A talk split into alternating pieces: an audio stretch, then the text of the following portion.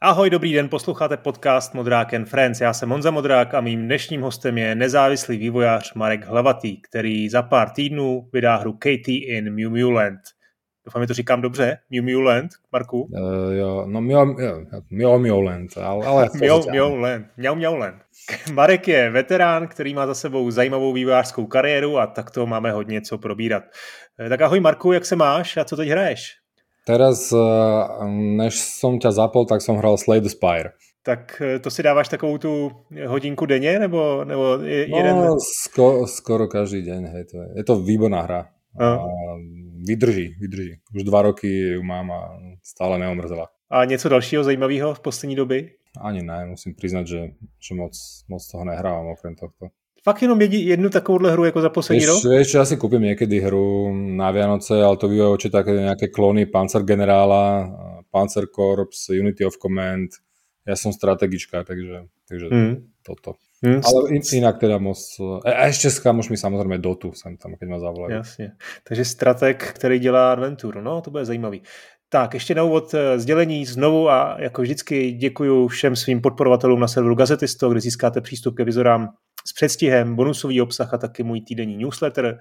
Partnerem podcastu je studio Warhorse, které schání vývojáře na různé pozice, takže pokud chcete pracovat na špičkových hrách, podívejte se na oficiální web warhorsestudios.cz. No Marku, ty jsi už, jak už jsem říkal, jak už jsem předeslal, ty jsi velký veterán, začal si uh, pracovat, uh, jestli jsem to dobře pochopil, hned po škole, uh, někdy ještě v minulém tisíciletí, 98-99, kdy v Bratislavě vzniklo studio Illusion Softworks. Říkám to dobře? Říkáš to dobře. Prosím tě, můžeš, můžeš po slovensky, jo, neříkej to, že... já jsem se narodil v Čechách, to pozor. Jo, no vidíš to, ty. Já, já můžu taky mluvit. Tak jo, tak jak chceš, ale jak se Ne, ne, ne, po slovensky, jo, to by, to by, to by uh, rezalo uši v Čechách, ta má čeština. Jakou jsi teda měl školu, nebo prostě s čím si vstupoval do toho herního průmyslu? Ja som mal normálne Gimpel a my sme boli všetci takí autodidakti v tej dobe, v tej firme sa stretli vlastne ľudia, ktorých hry bavili, niečo si s nimi šmodlali, ale na také vysoko amatérskej úrovni. V tých 90 rokoch to teda ako sa inak ani nedalo všetko si koder, keď sme mali kodera, tak si všetko musel ukuchtiť sám, tam neboli žiadne enginy, absolútne nič. Hmm. Takže tie projekty, urobil sa nejaký prototyp vizuálny, ale čo to išlo do koša. Ale keď z toho človek mal obrázky, tak potom sa mu podarilo dostať job a v Illusion Softworks z Bratislava. To stačilo, jo? No, viete, že ešte tam boli tam také bizarné existencie, tam prichádzali na pohovory a raz, raz tam prišiel týpek, ktorý, my sme hľadali grafika a on ako svoje referencie, jeho bavilo kresliť, že stopol si porno na VHS-ku a potom akože tú kočku kreslil, mal asi, asi, asi 70, mal taký proste ten skicár plný, plný týchto ako, relatívne ako realistických uh, kočiek, mm. takže aj takíto ľudia chodili. Ne, teda, jeho nevzali. Ne, jo, výjimečně. no ne, já zobrali, já zobrali. Já, já se ptám právě na to, jaká to byla doba. Dneska všechny studia, dneska herní průmysl uh, v boomu uh, a tehdy ale ten nedostatek zaměstnanců musel být daleko jako větší, protože tady nebyly vůbec žádné školy, nikdo, ne, nikdo to neuměl, sám si řekl, že nebyly enginy, takže třeba grafici, jako v čem dělali grafici, jaký měli zkušenosti, nemohl někdo jako přijít s tím, že má za sebou jako dvě vydané hry, nebo prostě jenom, jenom třeba rok práce na, na grafických no, no. Tam sa, tam sa náberali ľudia, kto, kto dokázal udržať uh, cerusku v ruke, tak som mal pocit. Ja som sa čudoval, že nezobral toho chlapíka s tými, s tými porno a kresbičkami. Lebo ako relatívne to mal v oku, že aspoň, aspoň mu ne, anatomie mu nelietala, že ty prsa boli tam, kde mali byť, jo. hlava byla tam, kde mala být. Takže chlapík by přišel prostě první den do práce, měl by takhle v podpáždí ten skicák, vy byste mu jako vzali, to tady odlož, to nebudeš potřebovat, posadili byste ho k počítači a tam jako poprvé se mu, se mu pustil nějaký jako, nevím, korel ještě nebo něco takového. Ne, to, to ja som sa nerobil, to bol, to bol skôr taký DTPC packý program.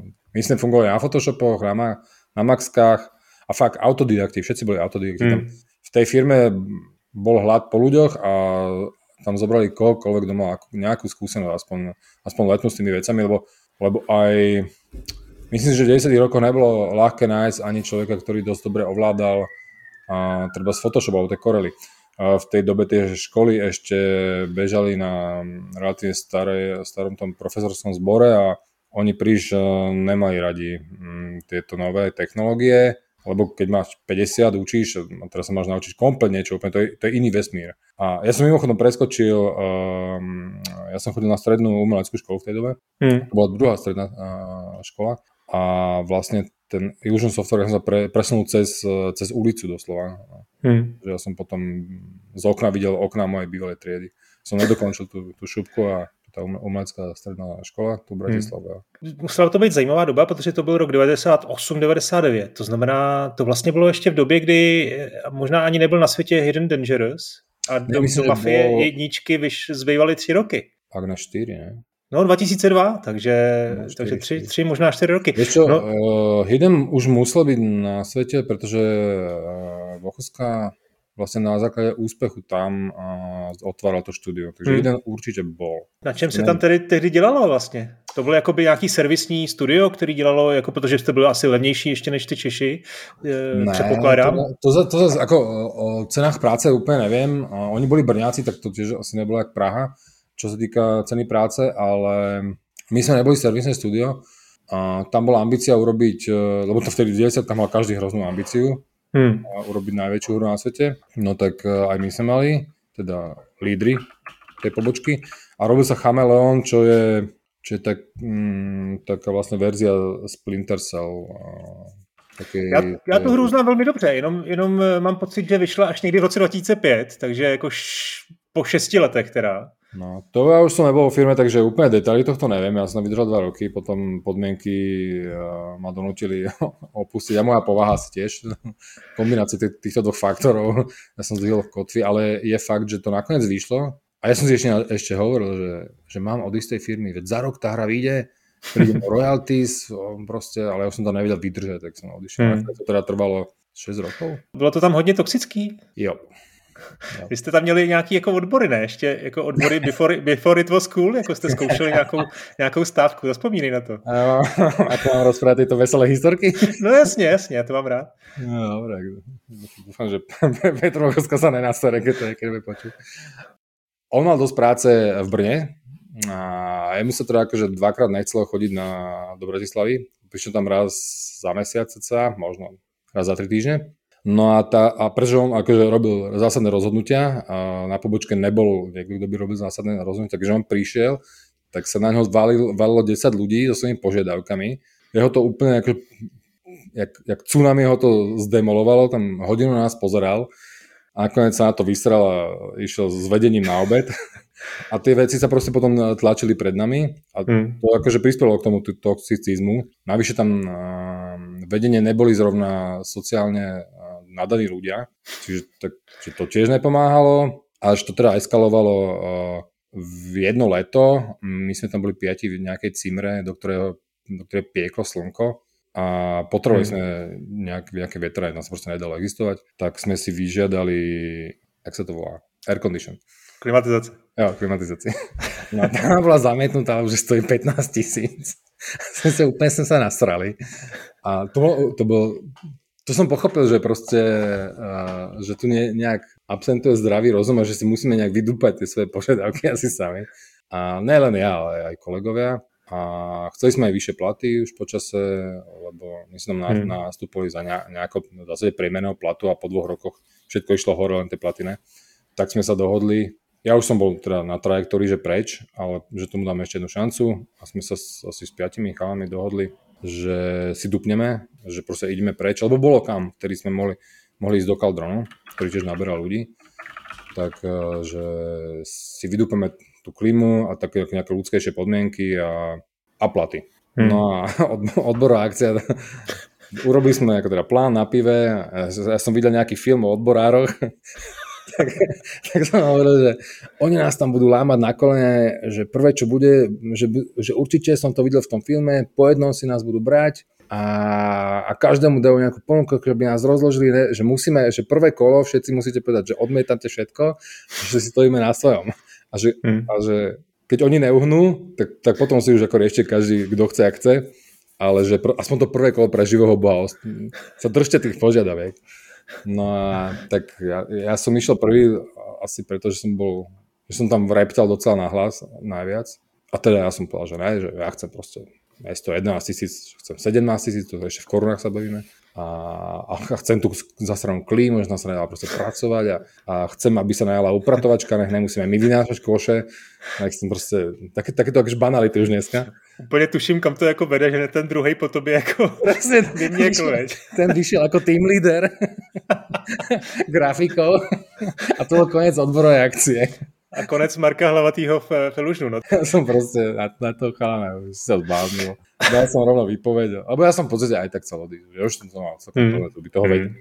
A ľudí, ktorí, ktorí to tam viedli, ne, ne v Ochosku, lebo s tým som neprichádzal nejak veľmi do kontaktu, on tam bol málo kedy. Ale tí dva chalani, ktorí zakladali tú pobočku, oni, oni mali proste problém rozumieť asi ľuďom okolo seba a tak to potom aj eh, vyzeralo tie hmm. rozhodnutia a dopady na, na ten tým.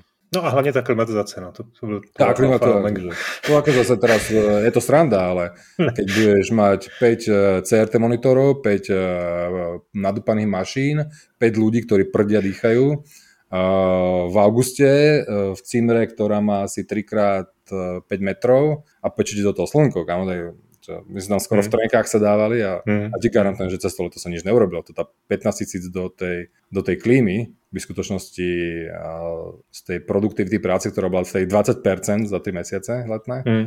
by tam išla na takých 80 aspoň. To bolo, mm. to bolo ako podľa mňa flagrantne chybné rozhodnutie nekúpiť sa.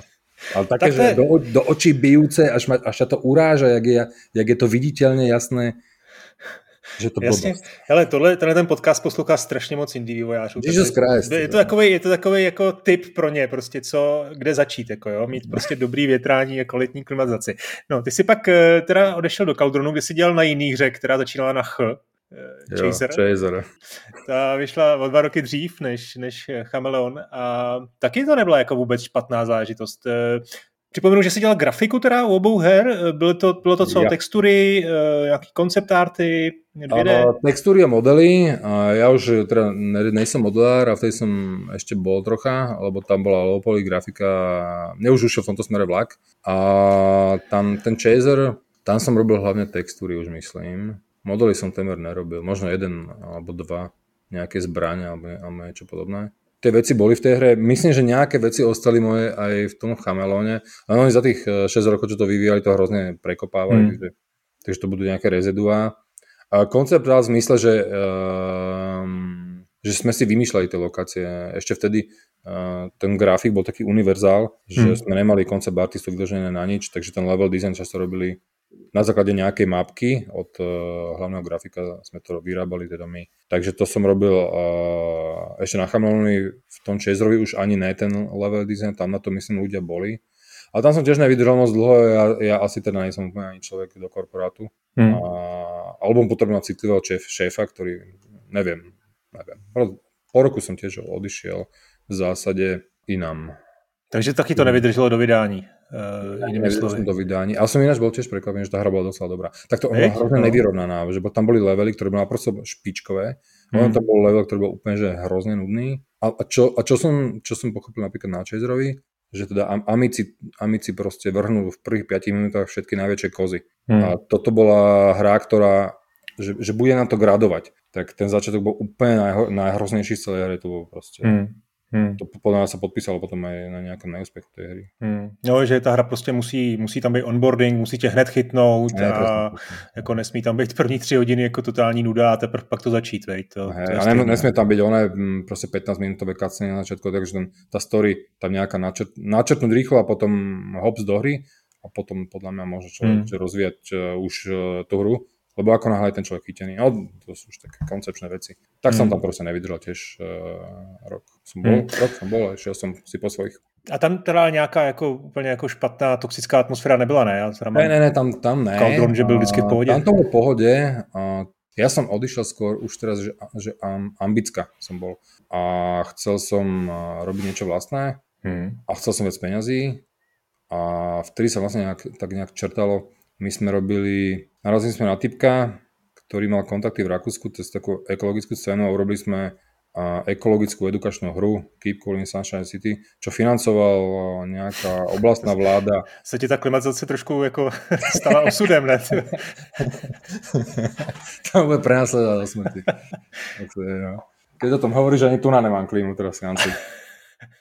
A tak no. jsi tam sám a vypadá, že tam nikdo moc... No a v tomto, v tomto té monitory tam nejsou už a tak hej, hej, to je trošku lepší. No. A navíc není srpen, že? Jo, zatiaľ sa to dá. No, no takže, takže keep, keep Cool in Sunshine City, to byla jako hra teda na zakázku, nějaká mm-hmm. jako grant, jako jste na to dostali, nějaká klikačka to je, nebo... A to v podstate si predstav úplne banálnu 2D mm, do, do boku sa scrollujúcu stratégiu, kde vlastne postavíš jeden barák, na základe toho postavíš iný barák, mm. on ti akože každý postavenie baráku ti ho, hodí nejaké resursy. Je to super simple, dalo sa to pre za 20 minút a pointa bola, že že ty vieš zladiť kapitalizmus a, a ochranu klímy, čo sa dá asi iba v hre, podľa mňa, a, ale ne v realite. No a, no a zaplatila to teda oblastná vláda, ten Eurostarach, oni to distribuovali na školách, normálne také tie hm, CD-čkové tlačené verzie. A pretože to páčilo, úradníci boli nadšení, mali sa čím prezentovať, tak uh, sa išla financovať uh, hneď dvojka.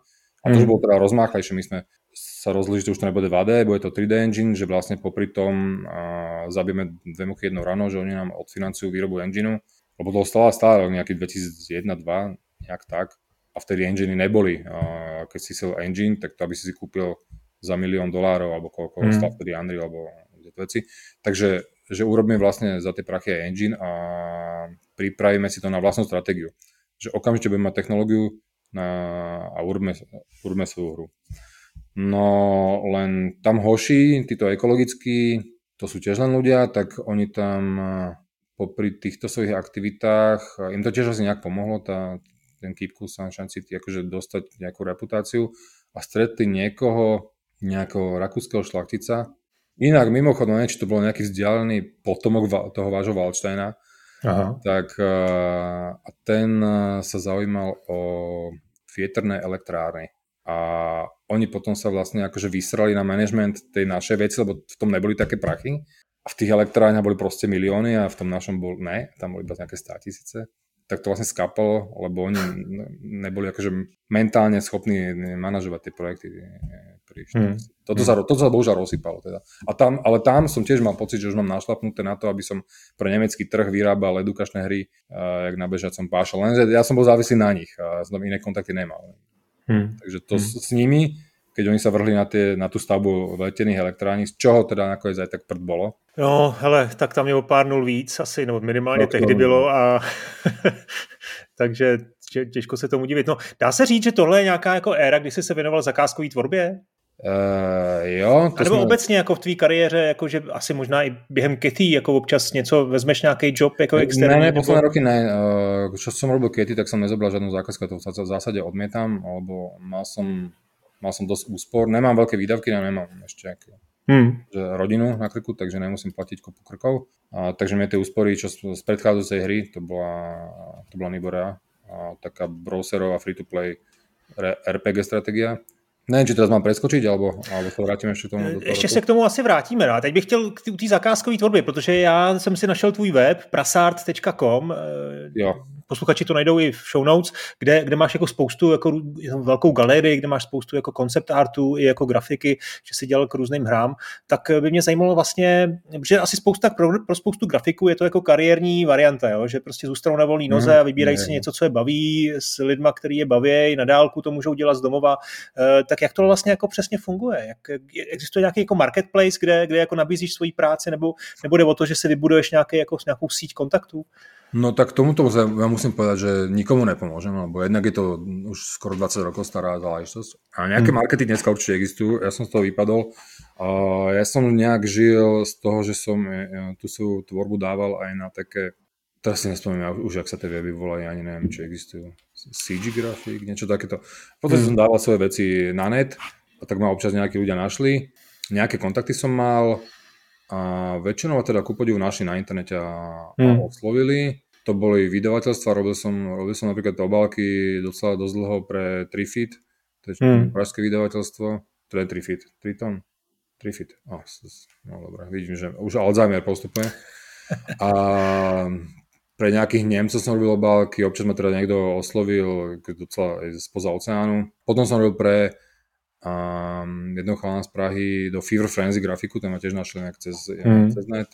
A to bola hra, ktorú na vtedy relatívne akože úspešný Big Fish Games mm. portál hodil, aj, aj mu to teda relatívne zarábalo, len potom myslím, že Big Fish išli nejak celý do kytiček a to skončilo. Tak to nejak, ako, na nejakom výloženom markete som nebol. A ak, ak bol, tak potom je moja chyba, že o tom neviem. Hmm.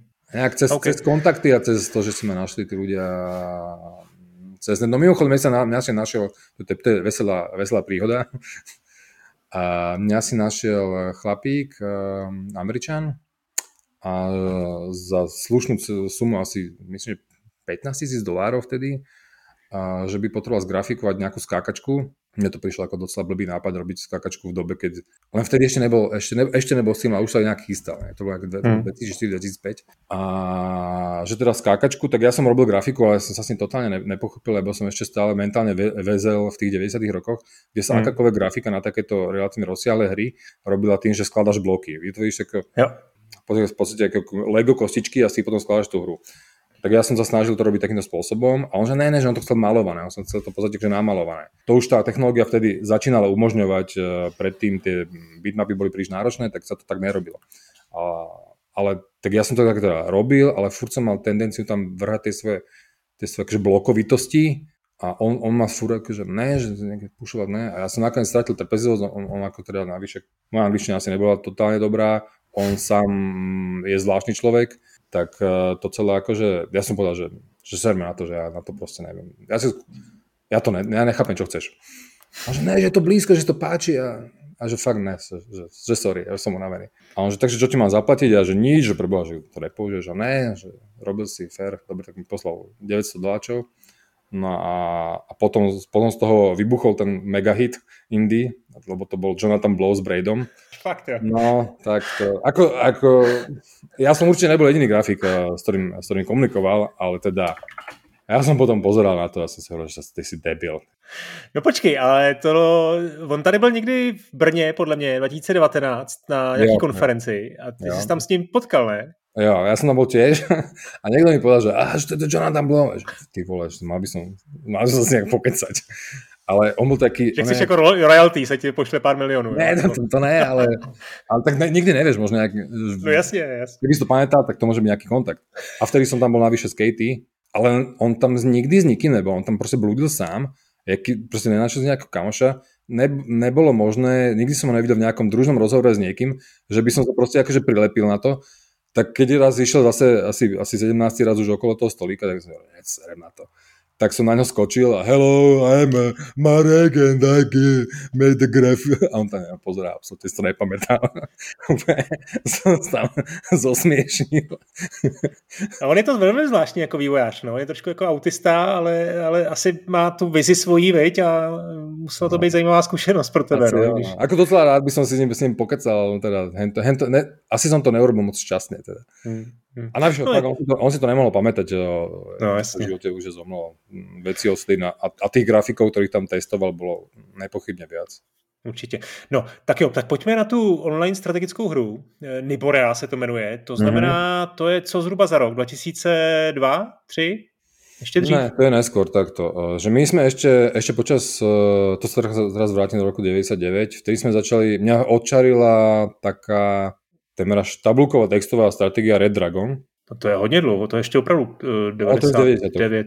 No. Strašne na to bavilo. Doma som kvôli tomu presmažoval mo- ten dial-up modem a... jo, jo. A som hovoril, že to je fakt, že srandovný formát, len tomu chyba grafika. Takže poďme uh, s tým mojím kamošom koderom, Martinom Solgajom, že poďme uh, si niečo také urobiť. Tak sme vyrobili asi behom roka vlastne Marauders a to bolo veľmi podobné, len to malo teda nejaké mapy a už nejaké malé grafiky. Tam bolo treba prihľadať k tomu, mm, aby tá grafika zase nepreťažovala vtedajšie mizerné spojenia internetové. Lebo mm. väčšina ľudí fungovala na dial-upoch. To bola totálne ako drevná doba. Dnes, dnešný človek, ja už ja sám mám problém si uvedomiť, že, že čo vtedy vlastne nebolo k dispozícii. Hmm. A to som to zažil. Niekto, kto to nezažil, nemá, nemá šancu to asi pochopiť. Takže to bola hodne minimalistická hra, nebola moc ako dizajnovo ani dobrá, ale hrávalo to nejak, nejakí ľudia. My sa na tom naučili, ako povedz, že ako sa niečo, niečo nemá napríklad robiť. Hmm. Ako funguje hráčka psychológia, ne v zmysle teraz gameplayu, ale, ale ako, čo vlastne človeka baví in general. A Hmm. Keby, keby si, začal, keby si kúpil knihu o teórie hraní sa, asi tak. My sme to prakticky takým spôsobom naučili na tej hre hodne. Mimo iných teda hier. Ale toto bolo proste naše a mali sme okamžitý feedback. To ne, nebolo ako Chamelon, kde som robil dva roky, potom hmm. som na 4 odišiel, on, on to niekto vydal a ja som vôbec netušil, ako na to vlastne kto reaguje.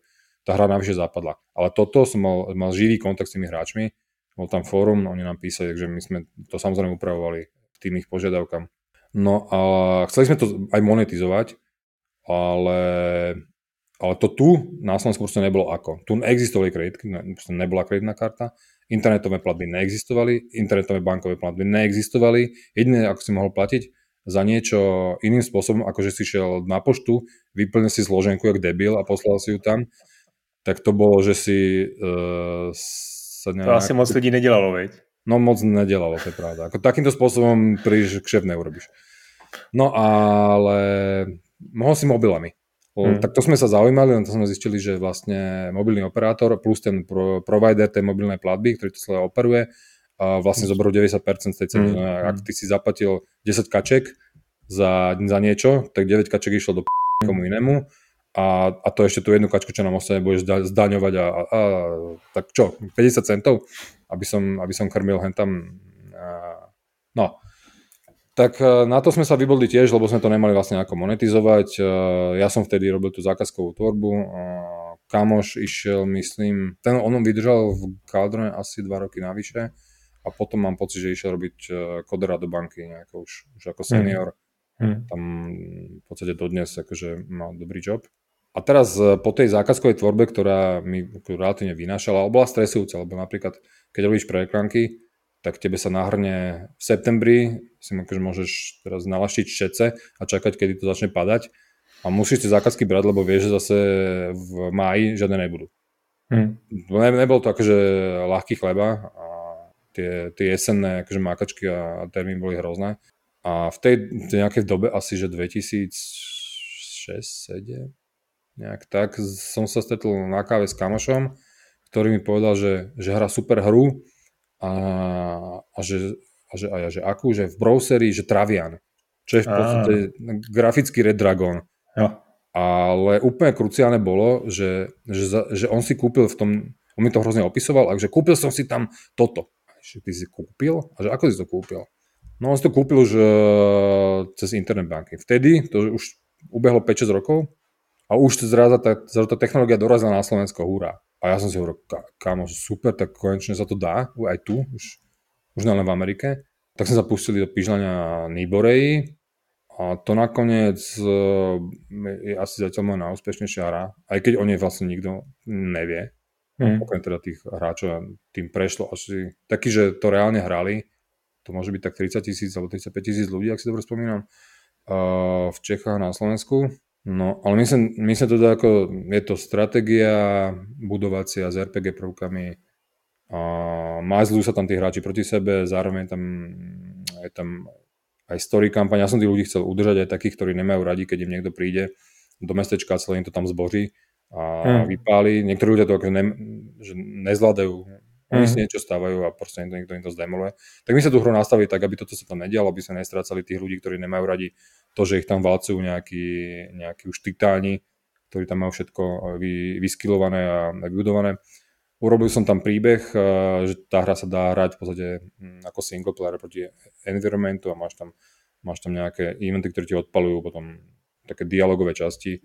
Že relatívne ako rozsiahla hra, aj na pomery tých uh, browserek, že ja si trúfam povedať, že to bola jedna z najlepších. Len my sme nedokázali, uh, my, ak, my, ak sme boli iba dvaja, tak sme napríklad podceňovali angličtinu, my sme si vždy hovorili, že tú angličtinu, ten preklad urobíme, až to bude hotové, hmm. že nemá cenu niečo, čo proste furt meníme, my sme museli hmm. platiť za tú angličtinu nejakú, tak až to bude, tak potom to preložíme. Hmm. Lenže to ťahlo ten vývoj roky, už, ušiel, ušiel nám vlak ako tie roky to mohlo prostě někde naberať ľudí hmm. a v Amerike někde. To jste dělali opravdu ve dvou, jo? Jako, mně to přijde docela jako velký projekt. Za prvé teda ty jsi jako grafik, tak tady už si teda předpokládám, jak to říkáš, tak si dělal celý game design i. Jo, jo? to už jsme, to už, tak, tak. A, a to, to, to není přece jako malý projekt, když děláš online novou hru, browseru, musíš dělat i jako nějaký backendový jako zázemí, to musí mít, nějaký servery, nějaký provoz, to něco stojí. E, to jste dělali úplně sami, nebo jste měli nějaký partnerství třeba s nějakým ne, portálem? Ne, nebo... dvaja. A kamož, on je koder, veľmi schopný, on obstaroval všetky tie servery, backendy, Zdíňaš toto tiež akože, ale to by som hovoril zase pol hodinu o serveroch, aký bol problém hmm. nájsť funkčné servery, ktoré vieš škálovať. V tej dobe Tiež ešte Asi nebolo, ešte nebyl Amazon, veď? No, tak. no a on, on riešil aj také, že komunikáciu s tými platovými bránami a nejaké účtovníctvo. Ja som sa skôr staral o, o tú grafiku, aby to vyzeralo. Staral som sa o ten game design. To sme robili spolu, ale teda asi viac menej. Ja som komunikoval totiž s hráčmi, takže hmm. som mal od nich viac feedback. Plus som, plus som tam robil scenár, keďže to bol single player kampaň, tak som tam ja som napísal dialógy, ako keď by si písal dialógy do nejakého sitcomu. Takže ja som tam robil scenaristu, dizajnera, art direktora, grafika, hmm. komunitného manažera a všetko toto. No to a si ten, zase užil, no. No, akože bola to super škola. Tá hra bola oveľa hmm. lepšia než tá prvá naša browserovka. To, akože... Hmm. No a počkej, a ty si řekl 30 tisíc eh, hráčů, to je nějaké jako, e, jako celkový číslo lidí, kteří prošli tou hrou? Ne, to je, to je číslo, ktoré um, reprezentuje ľudí, ktorí sa dostali aspoň do nejakej fázy tej hry. Jo. Čo, to, povedzme, že aspoň mesiac to hrali, že si k tomu hmm. sadali každý deň. A a... a kolik z nich třeba bylo ještě platících, jestli se můžu zeptat po takové době, jestli to už můžu říct? Třeba polovina, tretina? Tretina myslím, ale toto si nepa- to z hlavy nepoviem. Ničmenej uh, za vlastne celú dobu nám to asi 120 tisíc e, eček vynieslo. Na český slovenský trh není žiadna katastrofa. Celkom hmm. ma zaujímalo, ako asi za, danú, za dané obdobie by zarobila nejaká ten Travian napríklad na československom trhu, aby som to porovnal, neviem. Určite hmm. viacej ten Travian má marketing a hralo to viacej ľudí. Ten Travian snad hral každý jednu dobu. No, vy jste ale... marketing úplně podcenili, jakože jste vlastně neměli skoro žádný, ale to už začínal Facebook, to znamená, vy jste měli takový ty, eh, jak tam na ten Facebook byla prostě záplava těch postů na, ty, jo, na tu jo. zeď, to, to jste jako chytili ještě tady tu? Áno, áno, to sme robili nám, a nám Facebook vlastne dával relatívne dosť veľa ľudí, asi 20% nových hráčov mesačne do Facebooku v tej dobe. Vďaka týmto, týmto repostom, čo tí aktívni hráči tam dali. Potom to samozrejme Facebook zatrhol, a platenú kampaň som tam nejakú vyskúšal, ale, ale relatívne rýchlo som nejak pohorel, niečo som tam nevedel a keďže nám ten Facebook aj tak nosil ľudí, tak som nevedel mm. prečo to robiť. To bola absolútne kruciálna blbosť. Keby som vtedy stretol niekoho, kto vie robiť marketing na, na Facebooku, tak tá hra je dodnes akože živá, vyvíjana a, a nosí, nosí akože 10 tisíce, 100 tisíce.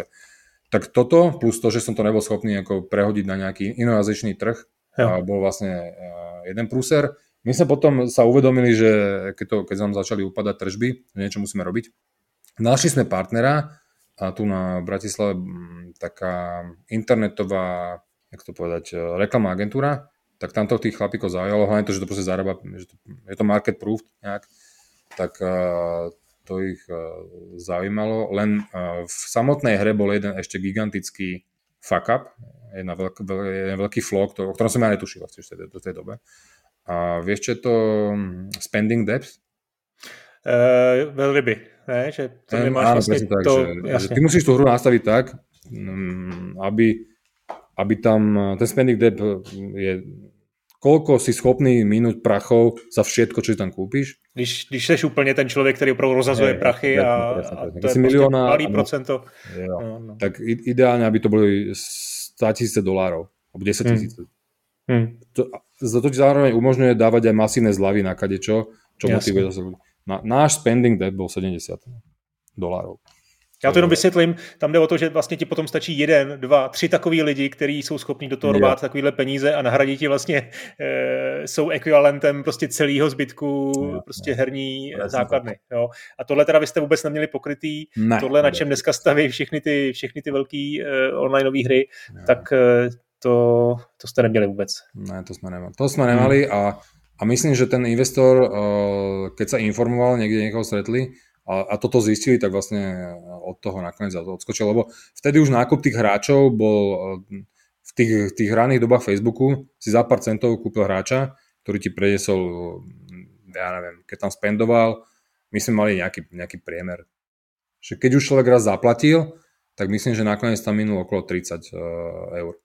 Že ako náhle sa raz chytil, tak, uh, tak priemer týchto ľudí platiacich bol okolo 30 ečky. Ale nákup, nákup akože akékoľvek hráča v tej dobe, kedy on, ten investor do toho vstúpil, už bol 6-8 eur, myslím. My sme mysleli, že to, že to proste nevedia robiť, ale, ale patrne to vedeli robiť asi na rovnakej úrovni ako všetci ostatní. Nám proste narastli ceny. Hmm, hmm. A, a keďže my sme tam vlastne negenerovali dostatočné, dostatočné akože prachy z tých ľudí, ktorí sme zohnali, tak to, to nemalo ekonomickú logiku celé, tak sme to uzavreli. A to je moment, kdy začal projekt Katie. Je to tak? Jo, v zásade a, a jo, m, mm, asi tak rok sme nerobili vlastne nič, trocha a, sa nám nejak rozbehli mysle, sme si potrebovali oddychnúť. My sme proste takí nejakí, že obidvaja potrebujeme robiť niečo iné, než len prácu. Hmm. Nie, niečo proste, nejaká prirodzená ambícia ľudská je u nás silnejšia, robiť si svoje. Jako kreativní nějaký vyžití hey, potřebuješ, hey, nějaký jako realizaci áno, áno. uměleckou. No a ja som teda z, ho ukecal, že poďme robiť niečo. No, mm, už som teraz rozmýšľal koncepčne, že viem, že, že marketing evidentne nie, nie som až taký nejaký veľmi schopný som to, toto není moja parketa. A rád by som to vedel, hrozne rád by som to niekde naučil ináč. Lebo podľa mňa to je zaujímavé. Ale vtedy som to proste nevedel a vedel som, že to, ne, že to neviem. Ž, nemáme financovanie, budeme tú hru píšať bohvie koľko rokov. Um, nesmie nám utiecť technológia. To znamená, že nesmieme to robiť na niečom, čo by zabila samotná zmena technológie, na ktorej to pobeží. Vizuál musí byť taký, aby, aby proste nezostarol tiež. A priesečníkom týchto všetkých vecí bola vlastne Katie. Ako mne, sa, mne sa hrozne páčil uh, napríklad Neverhood uh, kedysi, to asi každého nejakým spôsobom osloví hmm. tá hra aj dodnes. To je presne na nej, na nej super, že tá plastelinová estetika, keď to dneska niekomu ukáže, že, že si úplne OK, to nezostarlo. Áno. Hmm. Hrozne sa mi páčil Samorost, ten, ten úplne prvý, čo robil Kuba Dvorský a, ako tú ročníkovú prácu. A, že to, mm. Ono to, tá hra bola super v tom, lebo väčšina adventúr, keď som aj ja hral kedysi Legend of Girandia alebo Indiana Jonesovky alebo Luma, tak mňa tam otravovalo, ja som sa zase zasekol a potom ma to dofrustrovalo do momentu, do momentu že som proste tú hru vypol, už som ho nezapol.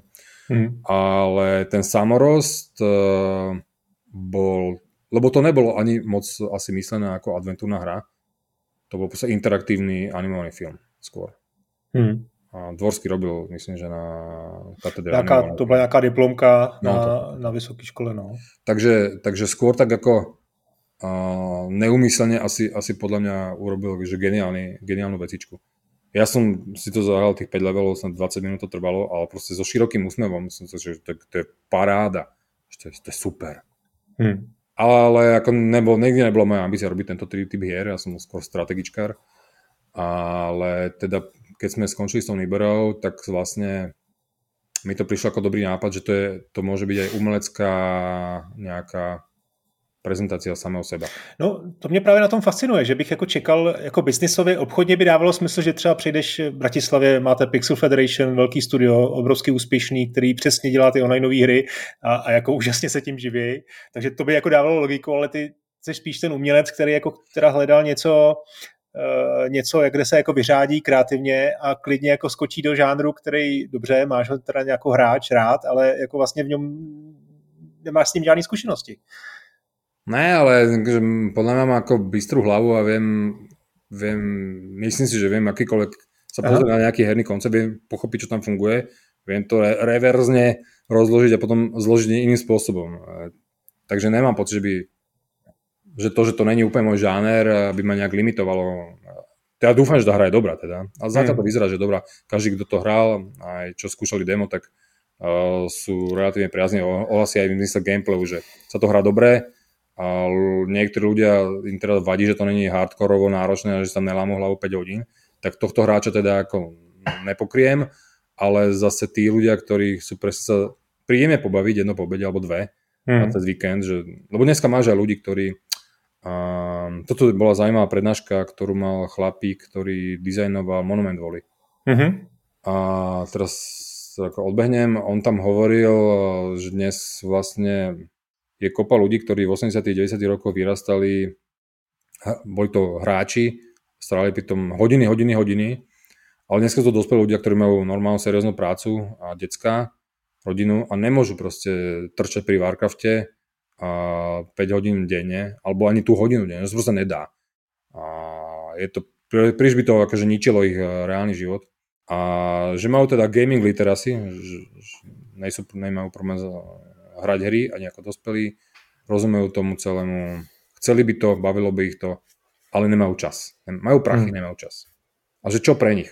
A hovorí, že oni koncipovali celý ten Monument Valley ako hru uh, na víkend uh, pre, pre to, tento typ človeka, ktorý, mm-hmm. ktorý možno vrazí decka v nedelu niekam starým rodičom na pár hodín a nechce pozerať televízor. Aj by si niečo zahral. mm. že keď aby zapol War, Warcraft alebo ja neviem čo, a bol v tom dobrý, to sa nedá za tie 2 hodiny, 3, čo má ten čas, tak čo vlastne, aké má možnosti? Takže oni urobili hru pre ňo, pre ňo ktorá je mhm. zároveň esteticky akože krásna, zaujímavá, alebo ten človek je pravdepodobne už ako 40 je trocha inteligentnejší a nepotrebuje vyložené také McDonaldové grafiky, tak a vidíš, ako, ako to dobre zacielili. No, Marko, ale když se podívám na, na screenshoty z KT, tak bych úplně neřekl, že to je cíl, cílený na, řekněme, čtyřicátníky, kteří ale chtějí... Na čtyři, chtějí... Ale na čtyřicátničky. tak to možná ano. Dobře. Tak to, okay, takže řekněme takhle, gameplay jako vymýšlíš tak, aby tam nebyly žádný velký překážky, aby prostě to byla hra, kterou jako projdeš jako nůž, eh, nůž máslem. Co to vlastně obnáší? Ty to musíš hodně testovat, hodně tam hledat ty místa, které třeba někomu dělají problémy, protože to je něco, co většinou sám designer jako neodhadne, ne? Že je tohle přece s tím tím problém nikdo mít nemůže a pak se ukáže, že to je zákys, jako, se kterým má 90% hráčů jako nepřekonatelnou potíž. No, testovali jsme to, ale, ale toto je triky, lebo ta hra je, je akože tam je aj nejaká umelecká ambícia. Celá Katie eh, in, in Wonderland je Alice in Wonderland. A je to alúzia vlastne na, na tú geniálnu knihu. Ja, ja, ja som ako 15-ročný zletol ako chorý človek a za pár hodín to bolo jazda Lewis Carroll ma zobral do iného sveta na pár hodín, bolo to super. A, takže, mm, takže je tam aj nejaká, aj keď je tam strašne taká cukríková prefarbená vizualita tej detskej uh, ilustrácie, tak ešte stále to má akože nejak, nejaký hlbší nie, niečo za tým, nie je to proste iba na prvú signálnu zamerané. Tak, e, takže tam sú tie absurdné hádanky. To sa, to sa mi páči tiež, uh, napríklad na tom samorostovi aj alebo Goblins, že to, tie, také tie absurdnosti. Humor, ne? Trošku. Nelen humor, ale taký, taký až surrealizmus e, v tých no. veciach. Keď budeš robiť v adventúre útek z väzenia, kopa adventúr má, že sa dostaneš do basy, ako do cely a nejak z toho unikáš. Tak to, tam, tam máš relatívne obmedzené možnosti. Praštíš orka po hlave, uh, prepiluješ si tam zámok, nejaké tak, ale je to repetitívne, tam proste neurobiš príliš veľa, uh, príliš veľa vecí, keď teda ideš po takej tej normál, normálne, eh, normálne realitnej fyzike. Takže ty vymýšlíš vlastně crazy jako zápletky, crazy ano, jako trošku bláznivý design, ale no, to možná může být trošku v opozici eh, tomu, že to chceš, eh, aby to plynulo, aby vlastně ty, ty hráči neměli, jo, hej, toto, neměli, toto, je, neměli toto je v kontradikcii. Je to, je to problém. No. A, a naj, najhoršie je s tým testovaním, potom sa ukazuje, že subjekt A sa zasekne na tomto. Subjekt B tým prejde jak nič a zasekne Aha. sa niečo iné, na čom sa subjekt A nezasekol. Hmm. Je to, no my tam dávame potom, ako keď, keď identifikujeme ako reálne zlé body, tak dávame hinty nejaké. Dávame tam nejaký partikel, ktorý tomu človeku indikuje, že má niečo urobiť. Len je to problém, že podľa mňa pri, keď to bude hrať tisíc ľudí, tak nakoniec mne sa návalí akože toľko sťažností, že, že by som musel vlastne naindikovať temer akúkoľvek aktivitu tej hre, lebo niekto vždy sa zasekne na niečo inom toto bude asi trocha, asi trocha trápenie, ale, ale v zásade uh, tí ľudia, ne už sú teda akokoľvek rozlišní, tak 98% veci prejdú a zaseknú sa nejaké drobnosti. A väčšinou ich to baví mm. tak, zdá sa, že, že ostali pri tom a prekúsali to, nakoniec to nejako, nejako vždycky dali. Hmm. Uh, ľudia, čo hrali demo, proste na to boli dobré. Dobré hlasy. Nikto, nikto nenadával. A, a jak to teda testuješ přesně? Ty máš jako že není dobrý to dávat kamarádům a poprosit je pak jako nějaký feedback, no, protože ti, ti, ti jako málo kdy řeknou upřímnou odpověď. Ne, ale... to ja som zase chcel, ja som im povedal, že potrebujem úprimnú odpoveď. Sú to bohužiaľ teda kamoši, a, ale ja som im vysvetlil, že ja nepotrebujem pochlebovanie, ale potrebujem proste pomoc. Takže hmm. týmto sa radili. Potom e, ja si teraz dokončím školu pedagogickú, po rokoch si robím magistra a a v rámci praxi a som to hral s deckami. To bolo celkom Aha. akože hmm. fajn, lebo decka sú toho úplne nadšené. Deti majú takú zvláštnu psychológiu, im úplne nepripada čudné, keď, keď, keď ide... Majú tú predstavivost, akože sú, hey, že si no, do, nie úplne ešte, ešte v takej tej, v tom našom reále. Im ten mozog akože funguje trocha chaoticky, takže im sa tá hra, hra hrozne páči a, a tie akože strašne ľahko tým prechádzajú. Im, im, im hmm. nerobí problém.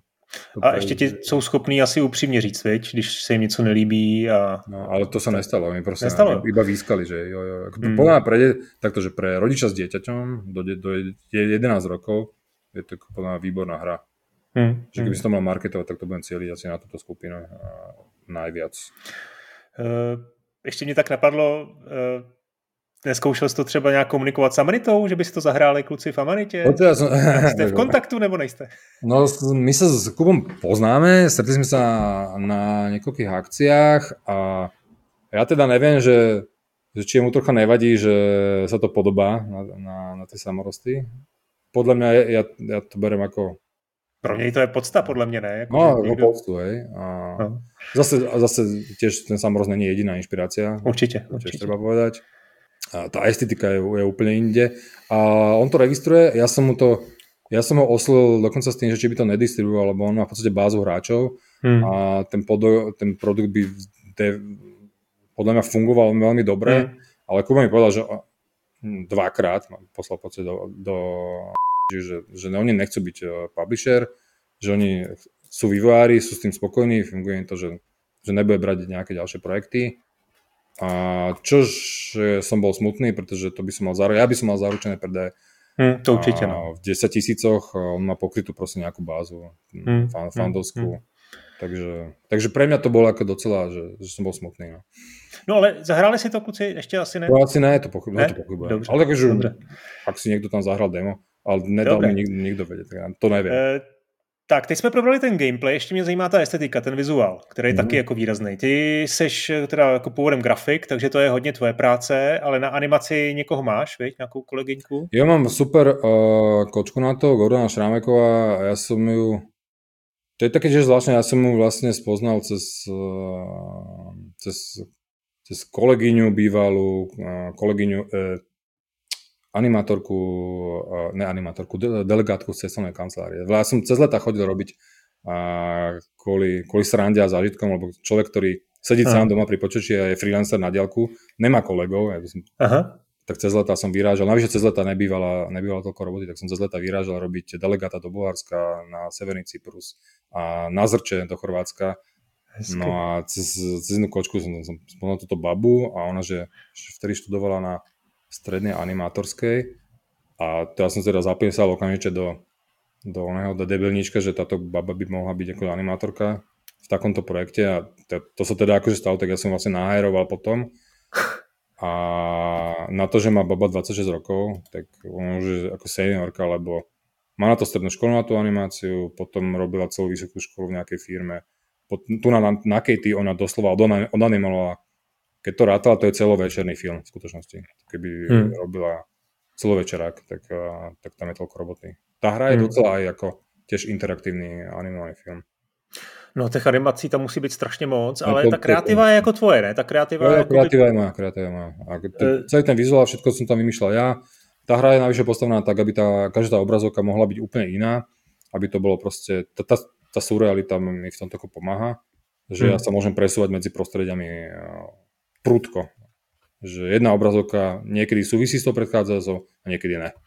Hmm. Tá, hmm. To dieťa sa proste pohybuje absurdnou snovou krajinou.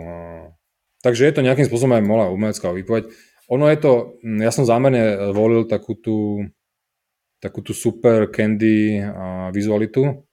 Jednak kvôli ženskému publiku, dvoja kvôli tomu, že takto vlastne vyzerajú detské ilustrácie. Ja som sa rozpohybovať a ilustrovanú detskú knižku nejakým mm. spôsobom. Ako keď, keď sa podarí, tak v budúcnosti z tej ja urobím e, normálne ilustrovanú knihu. Mm. Čiže hudba budúcnosti maybe.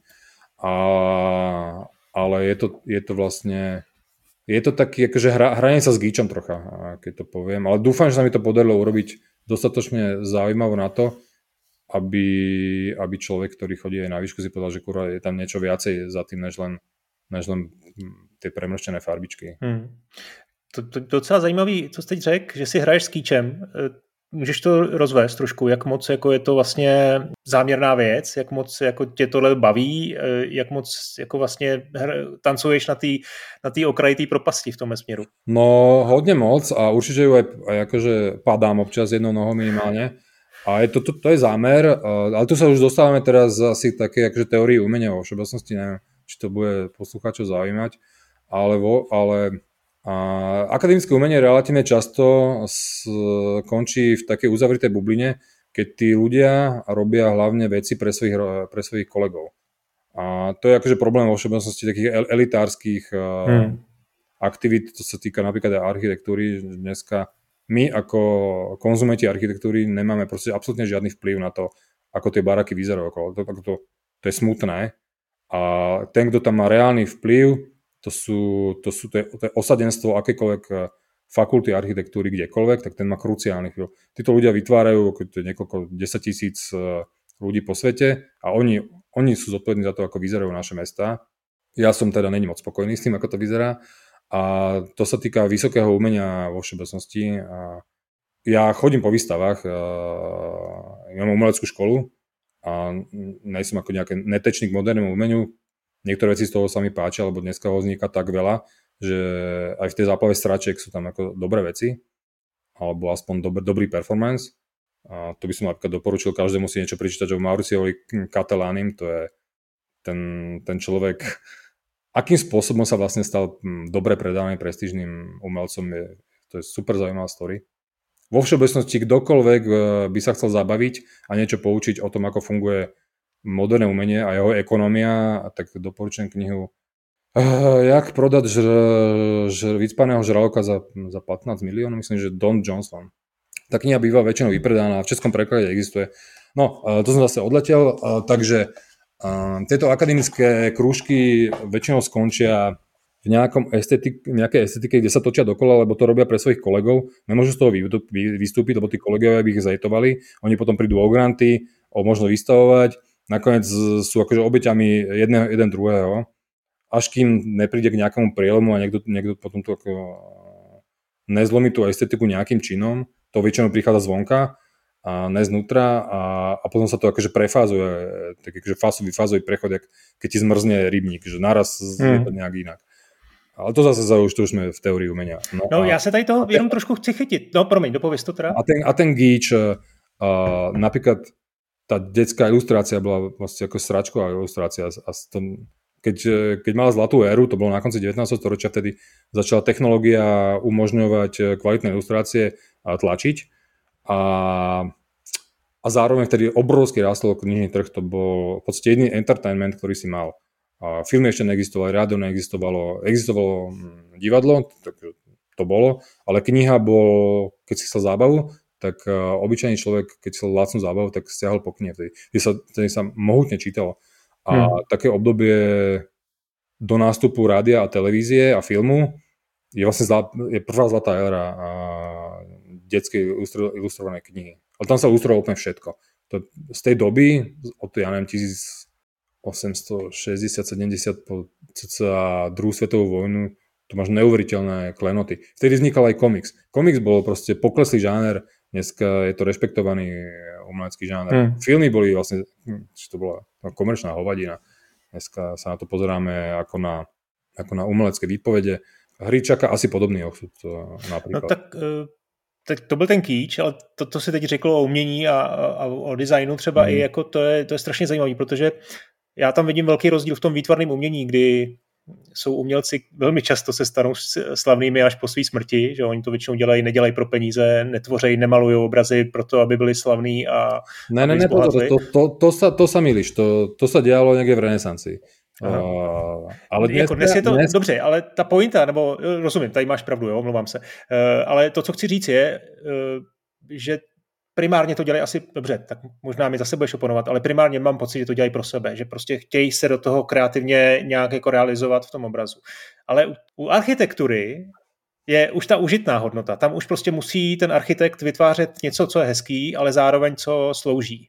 A, a myslím si, že u her vlastně je to podobný aspekt, protože ty ty hry nemůžeš dělat pro sebe úplně pro sebe. Jo. Jo? Jasně, musíš do ní promít do té hry ideálně. Ideální prostě umělecká hra je ta, do který promítneš něco ze sebe a je to na té hře vidět. Ale, ale zároveň musíš počítat s tím, že jí hraje někdo, že jí hrajou lidi. A, a, Jo, to, to, to, vlastně dneska jsme to tady probrali moc krát. Říkal si, počítám s tím, že to budu hrát prostě ženy, že to dělají, že to dělají děti. Dělám to pro lidi, kteří uh, mají víkend volný a chtějí, chtějí tou hrou projít prostě celkem jednoduše. Takže evidentně jako jednak máš to, tu, tu uměleckou vizi, ale jednak přemýšlíš nad tím, prostě, kdo to bude hrát a aby, aby ho to bavilo. To je, to je úplne nevyhnutné, lebo ak máš nejakú umeleckú víziu, nemusí byť ako veľmi náročné, ja zase sa nepovažujem za Michelangela, netvoril som Sixtinskú kaplnku, ale ak to chcem teda dostať k ľuďom, tak tá hra musí pochopiteľne byť e, stráviteľná.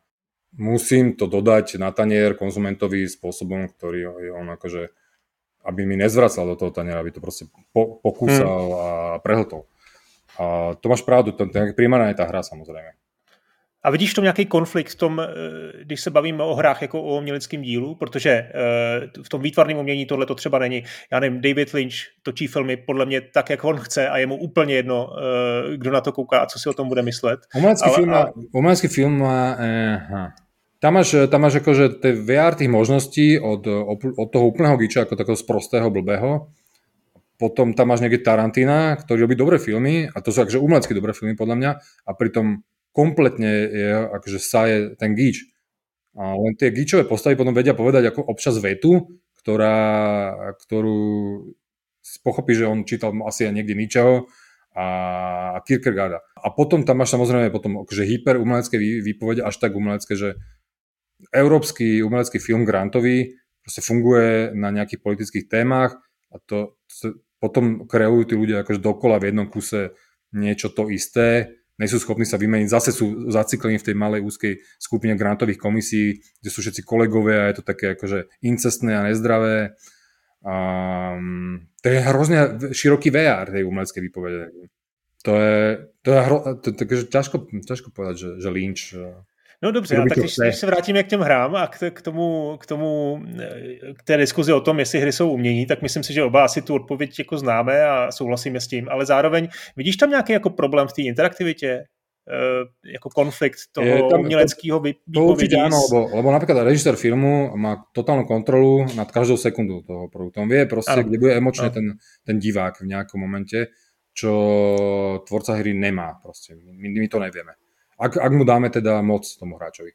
Potom máš možnosti tú umeleckú výpoveď e, dávať mm, do nejakých cutscén alebo nejakých predelových e, pasáží, e, že keď sa teda nehrá, alebo, alebo niekto, kto je mimoriadne šikovný, to vie dávkovať aj, aj počas toho, ale je to veľa náročnejšie tam. A to je presne, že strácaš kontrolu, ty nevieš presne, kedy, to, kedy, kedy sa odohrá, nevieš toho, nevieš toho hráča proste podojiť, že teraz mi zaslzí, teraz sa zasmeje väčšinou to vieš odhadnúť, ale nie, je to tá 100% kontrola ako na tom filme. Potom samozrejme už uh, niekto môže mať z toho tvojho diela akože 100% zážitok a niekto proste iba 50%.